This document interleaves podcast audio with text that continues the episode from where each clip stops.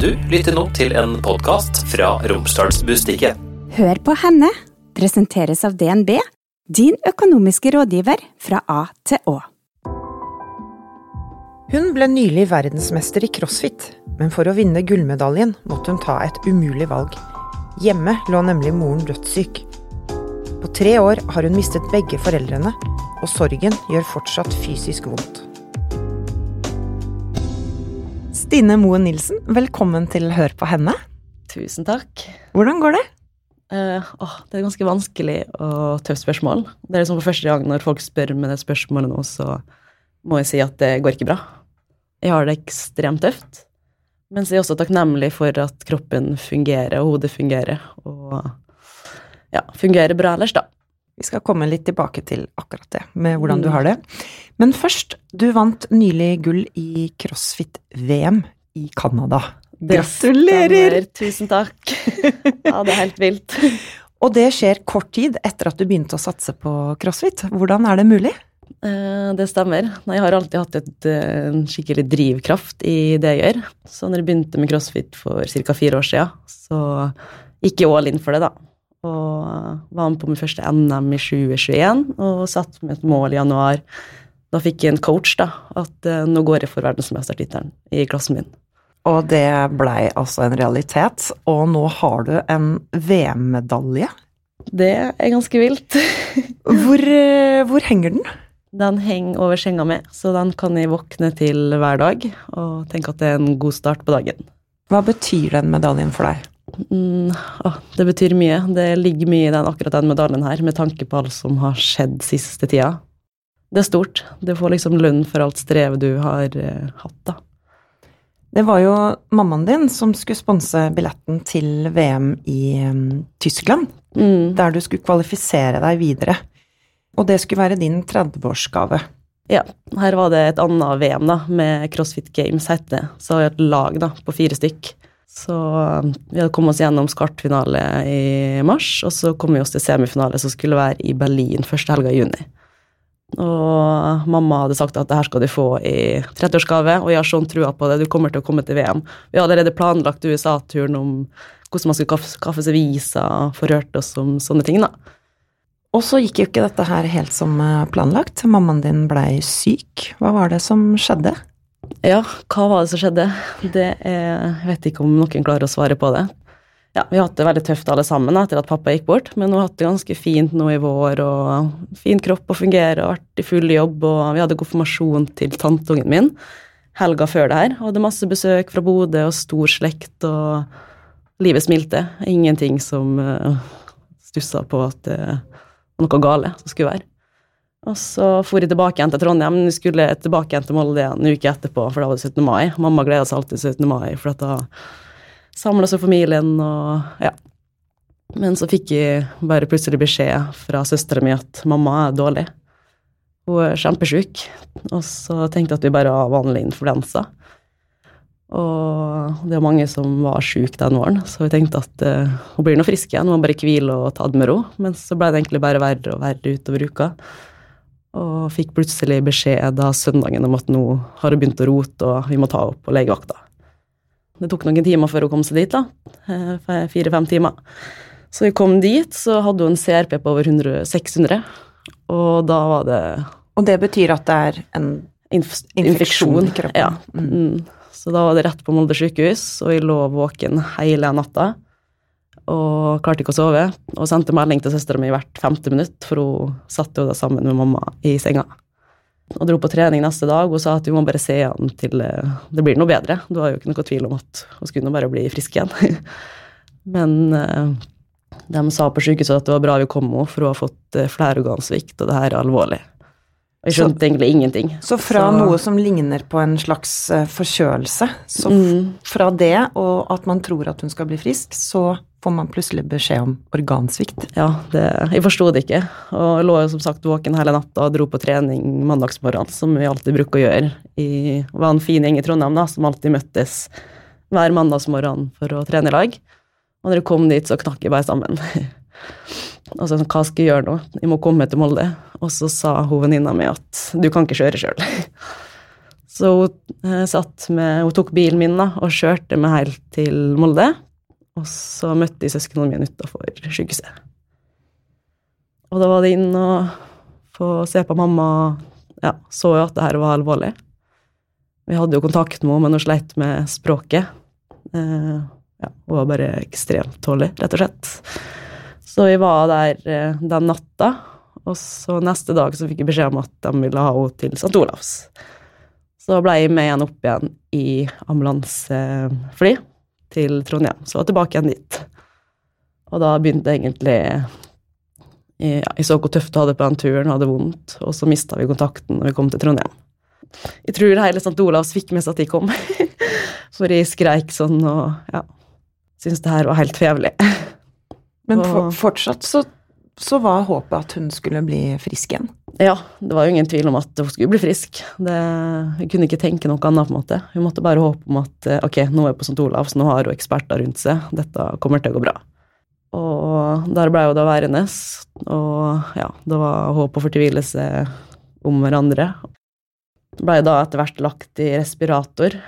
Magnus, og også broren min og søstera mi, Karine, de kom kjørende med en gang etter at vi tok ambulanseflyet. Eh, Så vi var da på St. Olavs ja, 24-7, da. Det var egentlig et pårørenderom som er meninga for en natt. Vi var der, bodde der i elleve netter.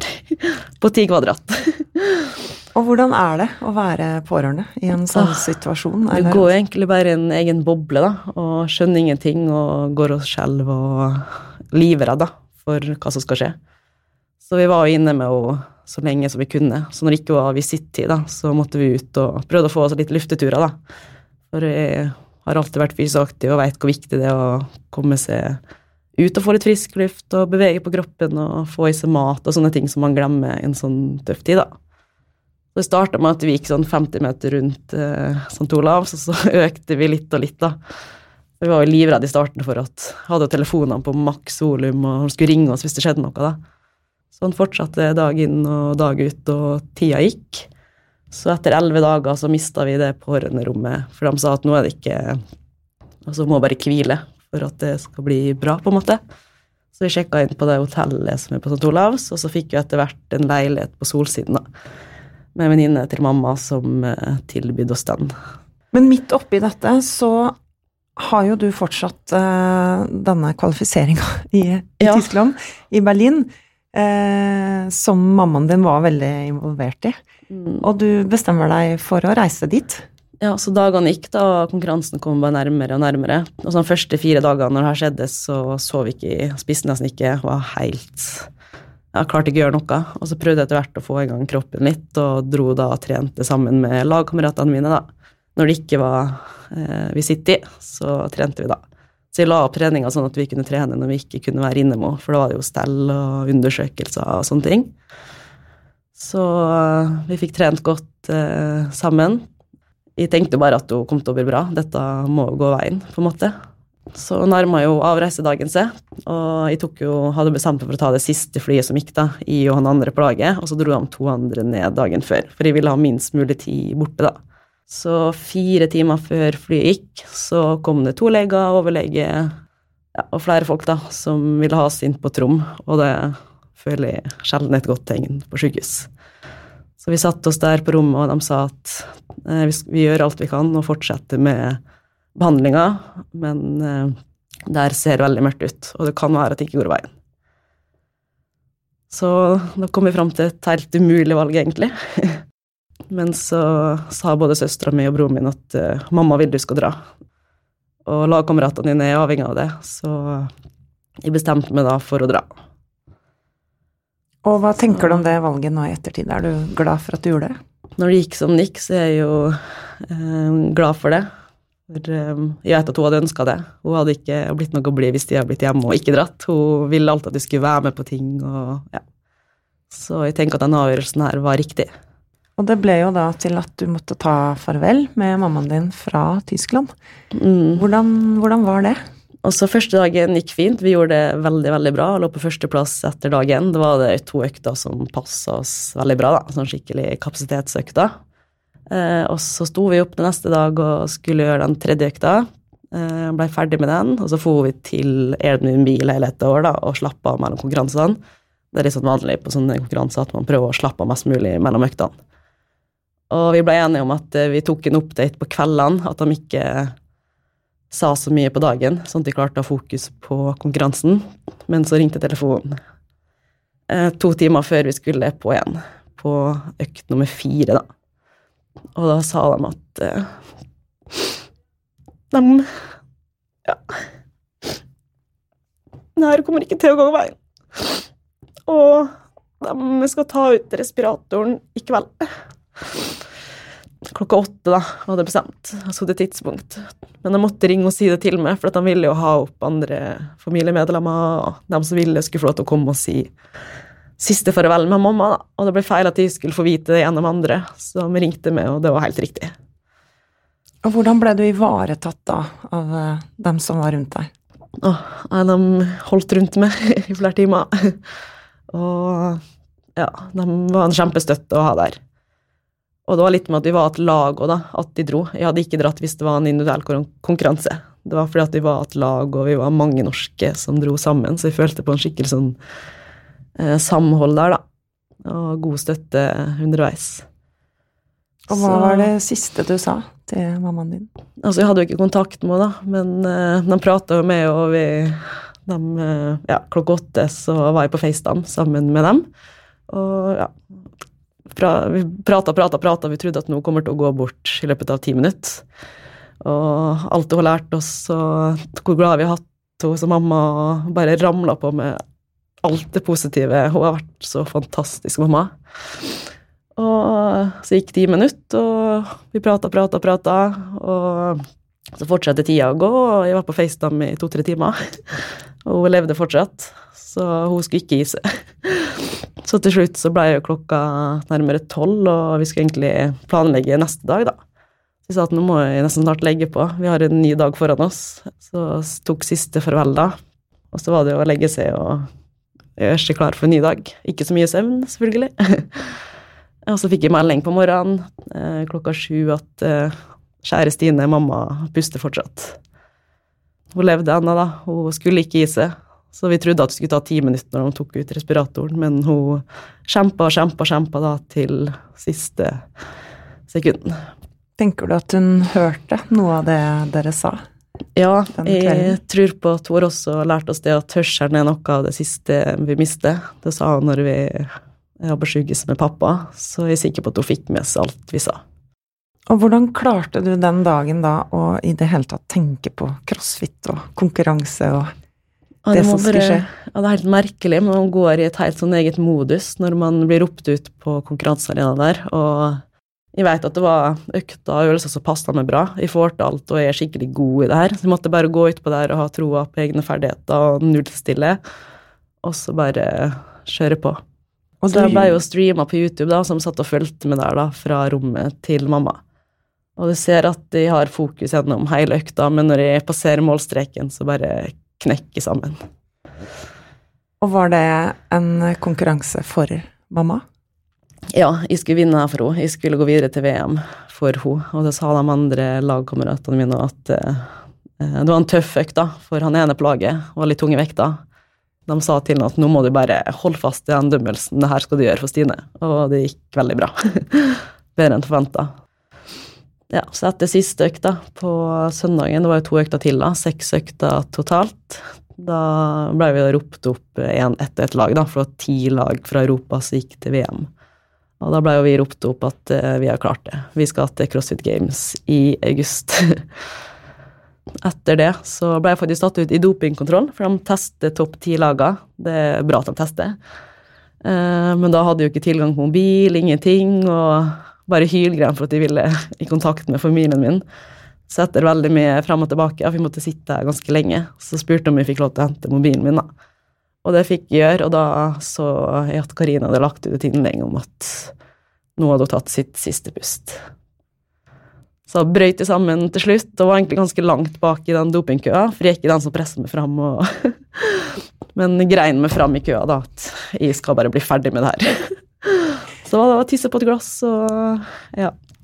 Mm.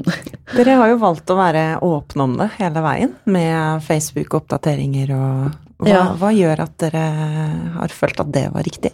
Fordi det var akkurat sånn mamma var. Hun var så åpen, og ja, når pappa var dårlig, så kommuniserte hun med alle venner og familie og syntes det var så viktig å være åpen om det. da. Pappa var kanskje litt stille og sa ikke så mye sjøl. Så mamma syns det er viktig, da. Så Karine var kommunikasjonsansvarlig og sendte meldinger rundt og holdt oppdatert hver eneste dag da, når hun var på St. Olavs. Så vi fikk litt forskjellige roller, da. Karine ble kommunikasjonsansvarlig, jeg ble ansvarlig for å trene. Og Magnus eh, skulle ha ansvar for søpla. Dere høres ut som et eh, godt team, dere søsknene. Ja, veldig bra team. Og så får man jo litt sånn galgenhumor etter hvert, da.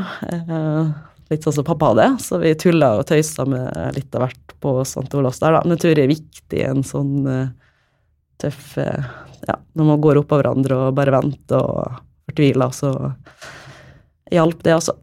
Og litt seinere etter dette, når du, når du er i, i Canada da, øh, og skal prestere i, i VM, så ser det nesten ut som du får noen sånne superkrefter, og løfter liksom mye tyngre enn det du har gjort på trening, og, og danker ut konkurrentene. Hva, hva skjer da? Jeg tror det er en spesiell evne til å bare gå inn i modus når jeg er ute på konkurransegulvet, og glemme litt alt og alle og fokus på mine arbeidsoppgaver. Jeg tror det er viktig som en toppidrettsutøver, da. Så ja, det gikk veldig mye bedre enn forventa. Vi fikk jo øktene på forhånd, og da klarte jeg maks 80 kilo i sånn kompleks da, som skulle være. Men når jeg kom ut på konkurransegulvet der, så så jeg at jeg hadde en solid ledelse, og ønsket ikke å falle for mye ned på styrkeøkta. Så klarte jeg faktisk å løfte ti kilo mer enn hva jeg gjorde på trening. Jeg så hun Canada-dama attmed meg tok 90 kilo og bare tenkte søren heller, gå for det. Jeg veit at jeg er sterk nok. Og så var det bare å dra opp stanga, settes under, og så gikk det. Og den følelsen Ja, det var helt rått. Kanskje en av høydepunktene fra den helga. Gikk jeg nøkta gjorde det best på, men de kom jo på andreplass. Men det var jo mye bedre enn forventa. Hei, jeg heter Mia og jobber som finansrådgiver i DNB Molde. Drømmer du om å kjøpe din første bolig, eller har du kanskje vokst ut av boligen du har i dag? Det å kjøpe bolig er en av livets største investeringer, og uansett hvor du er i din boligjakt, ønsker vi i DNB Molde å være din rådgiver fra A til Å. Gå inn på dnb.no for å avtale et rådgivningsmøte med oss, så finner vi de beste løsningene sammen. Søsknene dine har jo åpenbart vært en viktig støtte for deg, men har du andre støttespillere også, som har hjulpet deg gjennom denne første perioden her? Eh, Kanskje crossfit-miljøet har vært spesielt her, da. Eh, Vi er så flinke til å støtte hverandre og heie på hverandre og spørre hvordan det går, og veldig sånn åpent og inkluderende miljø. Så jeg vil absolutt si at crossfit-miljøet har hjulpet meg gjennom den tøffe tida her, da. Så det har hjulpet å komme seg opp om dagene og dratt på trening. Det som er crossfit, er at alle tar av seg headset, og man trener sammen og heier på hverandre, og ja, så helt unikt miljø, egentlig. Er det godt å ha rutiner og treningsregime og ting du vet skal skje gjennom dagen? Ja, da får jeg på en måte dagene til å gå, så det merker jeg godt. Altså bare tre år før dette skjedde, nå i, i vår, så mista du jo pappaen din, Per Tormod. Eh, Mm. han kjente jo jeg litt også, for han Ja. jobba som frilansfotograf her i Bustika. Men det betyr at uh, du mister begge foreldrene dine før du har blitt 30 år. Hvordan har det prega deg? Åh, det føles egentlig helt uvirkelig ennå. Det er litt sånn sjokkfase ennå, egentlig. Det er ikke så lenge siden mamma gikk bort. Så det er ekstremt tøft. Det er det. Når du har valgt å være så åpen som du er, og resten av altså de søsknene dine, Mm. um, hva slags um, reaksjoner får dere på det utenfra? Jeg synes jeg har fått bare utelukkende positive kommentarer på at de synes det er så fint at vi er åpne om det her. Og har fått melding av folk som er i ja, Det er ikke så mange som har mista begge foreldrene sine, men som har mista en mor, en far, en bror, sånne ting. Så har vi holdt dialogen der, da. Så det har hjulpet med å prate med folk som har vært i samme situasjon, da. Og dette er jo helt klart veldig, veldig tøft, og en livskrise. Mm. Um, men har det blitt noen fine samtaler også? Altså, vi snakker jo eh, Det er vanskelig å Ja. Men eh, vi snakker jo stadig om alt de, det de har lært oss, da, mamma og pappa. Det er jo mine største støttespillere, forbilder. Og tenker jo tilbake til at fy søren, så heldige vi er som har hatt dem som verdens beste foreldre. Og bruker, jeg bruker mye bilder da, for å hjelpe meg gjennom eh, den tøffe tida her. Pappa tok jo ekstremt mange bilder, så plutselig så drar jeg opp den hytteturen, den fjellturen, den skituren, den jula, ja, sånne ting, da, ser hvor fint vi har hatt det gjennom oppveksten, da. Så bilder har hjulpet meg gjennom den tida her, og dem er det ekstremt mange av. Det er fordelen med å være fotograf. ja. Men hva du sa at dere snakker mye om eh, alt dere har lært og fått med dere. Kan du nevne noe av det som eh, de har gitt dere? Det er jo utelukkende positiv eh, Hva de har gitt oss? De har gitt oss så mye livsglede og læring. Og de har gjort oss til at vi har blitt en skikkelig god og sammenspleisa gjeng. Så det er grunnen til at vi, at vi har blitt den familien som vi har blitt, da. Skal fortsette å ta vare på hverandre og feire jul sammen og gjøre alle de kjekke tingene, da. De var veldig flinke til å, å finne på små gleder i hverdagen, da. Bare det å invitere på middag på en vanlig tirsdag, ja, sånne småting. Så prøve å bruke alt de har lært oss til videre i livet. Går det an å si noe om eh, hvordan sorg kjennes ut, sånn som du har det nå? Altså, er det fysisk vondt? Ja, det stikker i hjertet, og jeg tror egentlig man må oppleve det sjøl for å skjønne det. Det er en helt spesiell følelse. Det kan nesten ikke beskrives, sånn at det, det er helt for jævlig. Jeg trodde ikke at jeg skulle få oppleve det igjen, men nå har det kommet to ganger på tre år. Så det er ekstremt tøft. En stor påkjenning for kroppen. Er det noen som har sagt noe til deg som hjelper? For man vet jo at sorg eh, kommer i ulike faser, og at Mm. det skal gå over, eller den smerten som du har nå, den skal bli bedre. Mm. Ja, folk sier det. Jeg klarer ikke å skjønne helt ennå, men eh, jeg må bare tro på at de Altså, jeg kommer jo til å savne dem opp hver eneste dag og har dem i tankene i alt de gjør. Men jeg tror det hjelper å ha med dem i tankene om at sånn her ville pappa gjort i den situasjonen, og sånn her ville mamma gjort i den situasjonen. Så bruke det på en positiv måte. Hva er det du savner mest med foreldrene dine? Den tryggheten og engasjementet. De, eh, vi holdt daglig kontakt. De engasjerte seg i absolutt alt de gjør. Så bare det å få meldinger daglig, da, og de hadde full kontroll på hvor jeg var, hva jeg gjorde, og brydde seg ja, oppriktig brydde seg om alt de gjorde, da, og spurte også hvordan det gikk med vennene mine, og ja, de var helt fantastiske. Og så er det jo et hjem, eller en på en måte base eller trygg havn, som også er borte. Ja, nå har vi akkurat solgt eh, Rådyrveien. Det har vært veldig spesielt. Gitt det fra oss Rådyrveien for et par uker siden. Så vi har eh, holdt på å rydde der nesten hver dag i de siste fire månedene. Det rydder jo opp i to liv, på en måte, så det har vært veldig tøft å gå gjennom eh, alle ting og tang og ja. Men samtidig liksom kanskje godt å komme seg videre, da. Ja, det var en litt tom følelse den dagen vi gikk fra oss det huset. Det var det. Og så har jeg fått så mange meldinger fra andre, for det er ganske mange som har vært i det huset der. Det var et sånt åpent hus. Det var kjent for det. Det var liksom, det var bare å komme på besøk, og jeg tror sikkert 100 stykk har koden til den eh, nøkkelboksen. For det var bare å, var bare å komme inn. Om, om en venninne kom på besøk og jeg var ikke hjemme, så kom de inn for det og venta til at de kom tilbake. Det har vært mange fine minner i det huset der. Og begge dine foreldre levde jo med kronisk eh, sykdom. Og Mm. det gjør du også nå, har jeg skjønt? Ja, jeg har egentlig hatt mistanke i mange år, så akkurat en uke før NM, faktisk, som var 15. til 17. september, fredagen før det, så hadde jeg en time på St. Olavs og fikk da ganske tydelig klinkende kart at det her er ingen tvil om at du også har Bechdrev. Og hva er det? Det er en kronisk sykdom som angriper leddene. Ganske mye stiv i ryggen og nakken, og det er litt forskjellig hvilket ledd angriper mest, da, men eh, det er en sykdom man må leve med resten av livet. Så pappa hadde bekkedrev, og mamma hadde leddgikt, så jeg er jo godt kjent med sykdommen. Og det er på en måte fint nå, da, at de Jeg vet hva pappa var gjennom, og han klarte fint å dra på jobb og leve godt og, og på skiturer. Ja. Så jeg får bare tenke på at det her skal jeg komme gjennom. Jeg husker han veldig godt med kamera når Ja. han eh, kom inn og satte seg i bilen. Mm. Og så kunne jeg jo se på han at han hadde vondt i ryggen, men Ja. han uh, sa aldri noe om det eller klagde på Nei. det. Så det har jeg tatt med meg Det har han inspirert meg der, da, at uh, han klager aldri. Og da av og til litt sånn Oi, du må se på høyresida, jeg ser ikke hvilken bil som kommer der. Men uh, ja, han tok det veldig fint, da. Og hvordan kan du leve med Bechterew, som da gir ryggsmerter, ikke sant? Ja, jeg holdt det ganske fint i sjakk, og så den beste beskjeden jeg kunne få fra St. Olavs, det var at det beste du kan gjøre, er å holde deg fysisk aktiv. Jeg tenker yes! Midt i blinken for Ja. deg, hvis du først skulle få en kronisk sykdom. Mm, så det er det beste. Altså, jeg merker nå etter konkurranse, da, så har man gjerne noen dager hvile, ofte en uke hvile når det har vært så tøffe konkurranser, og da kommer det. Da er jeg stiv og støl og vondt i nakken og så det er veldig viktig å holde seg fysisk aktiv, og det er grunnen til at eh, sykdommen har blitt oppdaga så seint med meg, mest sannsynlig. For jeg holdt i sjakk med trening, og skal fortsette å gjøre det. Blir du bekymra for at du skal leve med Bechterew?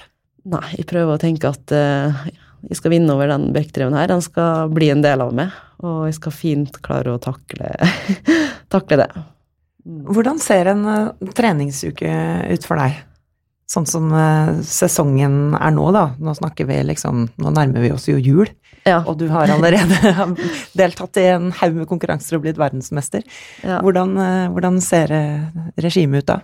Altså vanligvis, så en vanlig treningsuke, da, så har jeg to økter om dagen. Ofte en sånn crossfit-spesifikk kondisøkt på morgenen, og så en mer styrkeøkt eller andre ting på ettermiddagen. da. Så to økter fem ganger i uka, så har jeg to hviledager, da.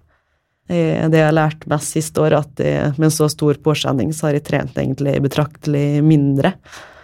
Og lært å kjenne på kroppen at eh, det er ikke alltid mer som er bedre her, da. Så jeg har vært veldig stolt over at jeg har fått til å funnet en treningsregime som funker for meg, da.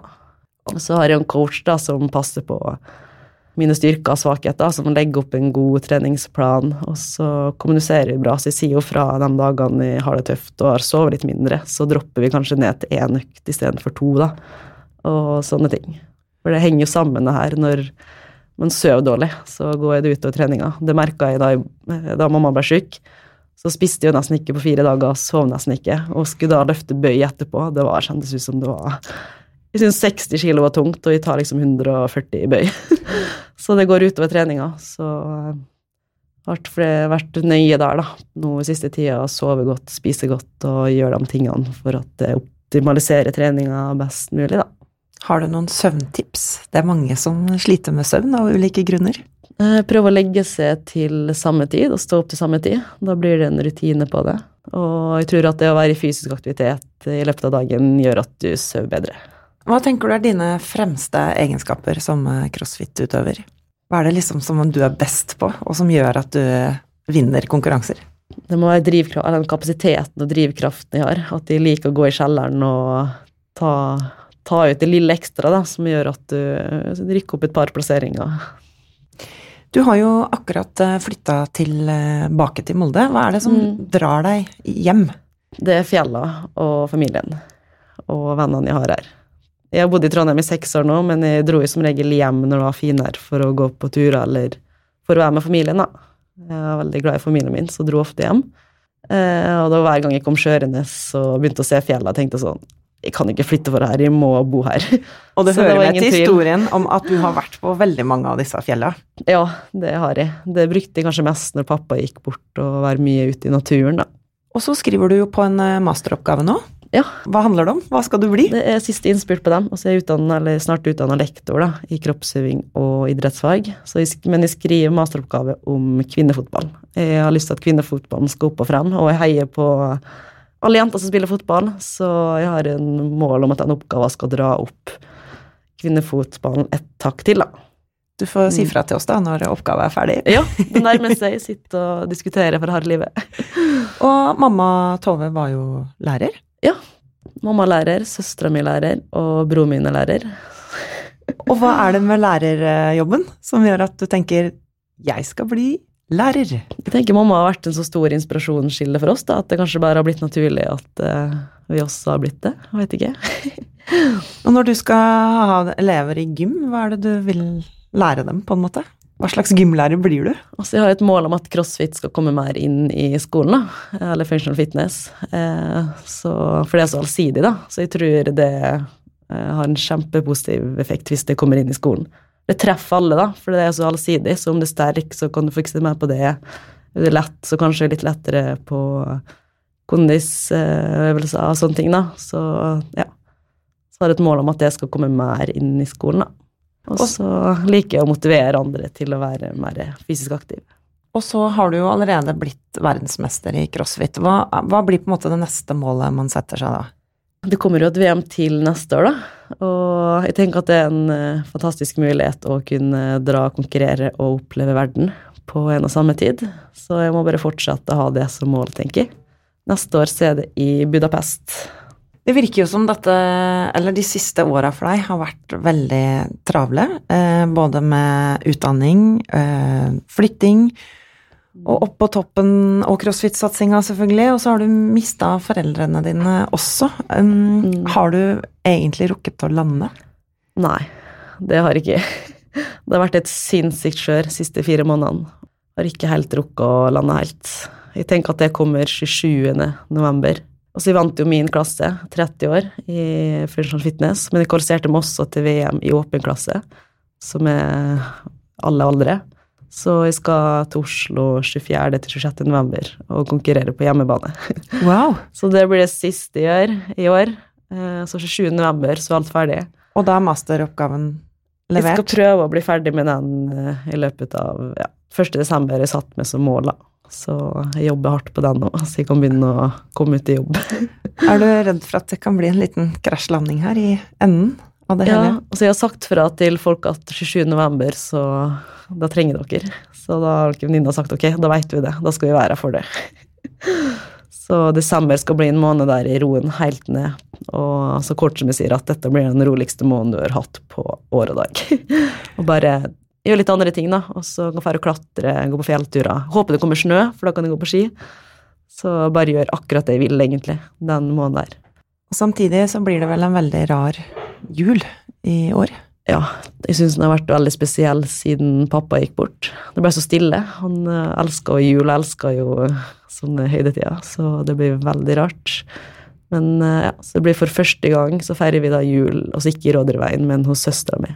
Men vi får prøve å ta med oss uh, det de likte å gjøre på julaften. Så Er det noen sånn faste tradisjoner som dere må gjøre sammen? Nei, det er vel uh, det er bare at vi er samla og lager god mat og sitter og prater til langt på natt og ja. I mamma og pappas ånd? Ja. Jeg og pappa brukte å dra på ski først på dagen, så jeg håper at det er skiføre, så jeg kan gjøre det. Hva tenker du gjør livet ditt bra nå? Midt oppi alt du står i? At de har en kropp som fungerer. At de kan være fysisk aktiv og ja. Det virker også som du har et uh, godt nettverk rundt deg. Ja, det å sette de veldig stor pris på. Hvordan vil du Jeg spurte deg jo innledningsvis hvordan går det, og da mm. sier jo du Svaret på det spørsmålet er jo ofte ja, det går bra. Mm. Men du sier jo faktisk at, at, det går ikke så bra. Nei, for første gang så stopper jeg på å si sånn eh, når folk spør. Nei, det går ikke bra. Jeg må bare være ærlig på det, at det er ekstremt tøft. Det kan egentlig ikke beskrives hvor tøft det er. Og hva kan folk si til deg da, som på en måte eh, hjelper deg litt? Jeg tror folk blir litt satt ut, jeg er så vant med å få svaret at ja, det går bra. De skjønner at det er vanskelig å settes inn i den situasjonen jeg er i, da sikkert tøft for dem rundt på, og hva skal de gjøre? Jeg vet at mange har sagt sånn 'Jeg har så lyst til å hjelpe det', eller 'hva skal jeg si', 'hva skal jeg gjøre'? Jeg har lyst til å være der for det, men de vet ikke helt hva, da. Og som ofte så er det bare nok å sende en melding med et hjerte, så vet jeg at de er der for meg, på en måte. Det skal ikke så mye mer til. Hvilke drømmer har du for uh, framtida? Åh, uh, jeg har ikke tenkt så langt fram, egentlig. Jeg tar en og en dag om gangen, men jeg har veldig lyst til å fortsette å leve av crossfiten. Oppleve verden og reise og fortsatt være en del av det fantastiske miljøet. Og det her er jo en sport aldri for seint. Jeg bruker ofte en som heter Anders, som var med på VM nå, som inspirasjon. Eh, han vant sin klasse, 65 pluss, og begynte med crossfit for åtte år siden, når han var 58 år gammel. Og verdensmester nå, 65 pluss, så det er aldri for seint. Og her kan man faktisk konkurrere til man er 100. så det er rått. Hva har livet lært deg? Har du et eh, råd som du vil gi videre? Altså, sånne, spørsmål er vanskelig å svare på. Jeg skal ha lært meg at det skal være takknemlig. Og så har du lært noe om eh, sorg og smerte akkurat eh, de siste åra. Ja. Ja. Det er en spesiell følelse. Det er det. Det var ikke sånn det skulle bli. Nei, det absolutt ikke. Det er litt sånn utenkelig ennå. Men eh, så må man bare lære meg at de alltid må gjøre det beste ut av situasjonen. Så jeg får ta med det videre. Hvilken kvinne ser du opp til? Mamma. Hvorfor det? Hun er fantastisk på alle mulige måter. Hun brydde seg sånn om alt og alle og ja. Satte ofte andre foran seg sjøl, da. Og oppriktig brydde seg om folk. Og ja, hun bare fantastisk på alle måter. Så hun ser jeg opp til. Stine Moen Nilsen, tusen takk for at du var gjest i Hør på henne. Takk for at vi fikk komme. Hør på henne er laget av Romsdals Bustikke. Produsenter er Stian Viken og Hanne Fleischer. Mitt navn er Vera Henriksen. Har du ris, ros eller innspill til gjester? Send meg en e-post på hennealfakrøll-r-b.no. Følg oss også gjerne på Instagram, så håper jeg vi høres snart. Hør på henne presenteres av DNB, din økonomiske rådgiver fra A til Å.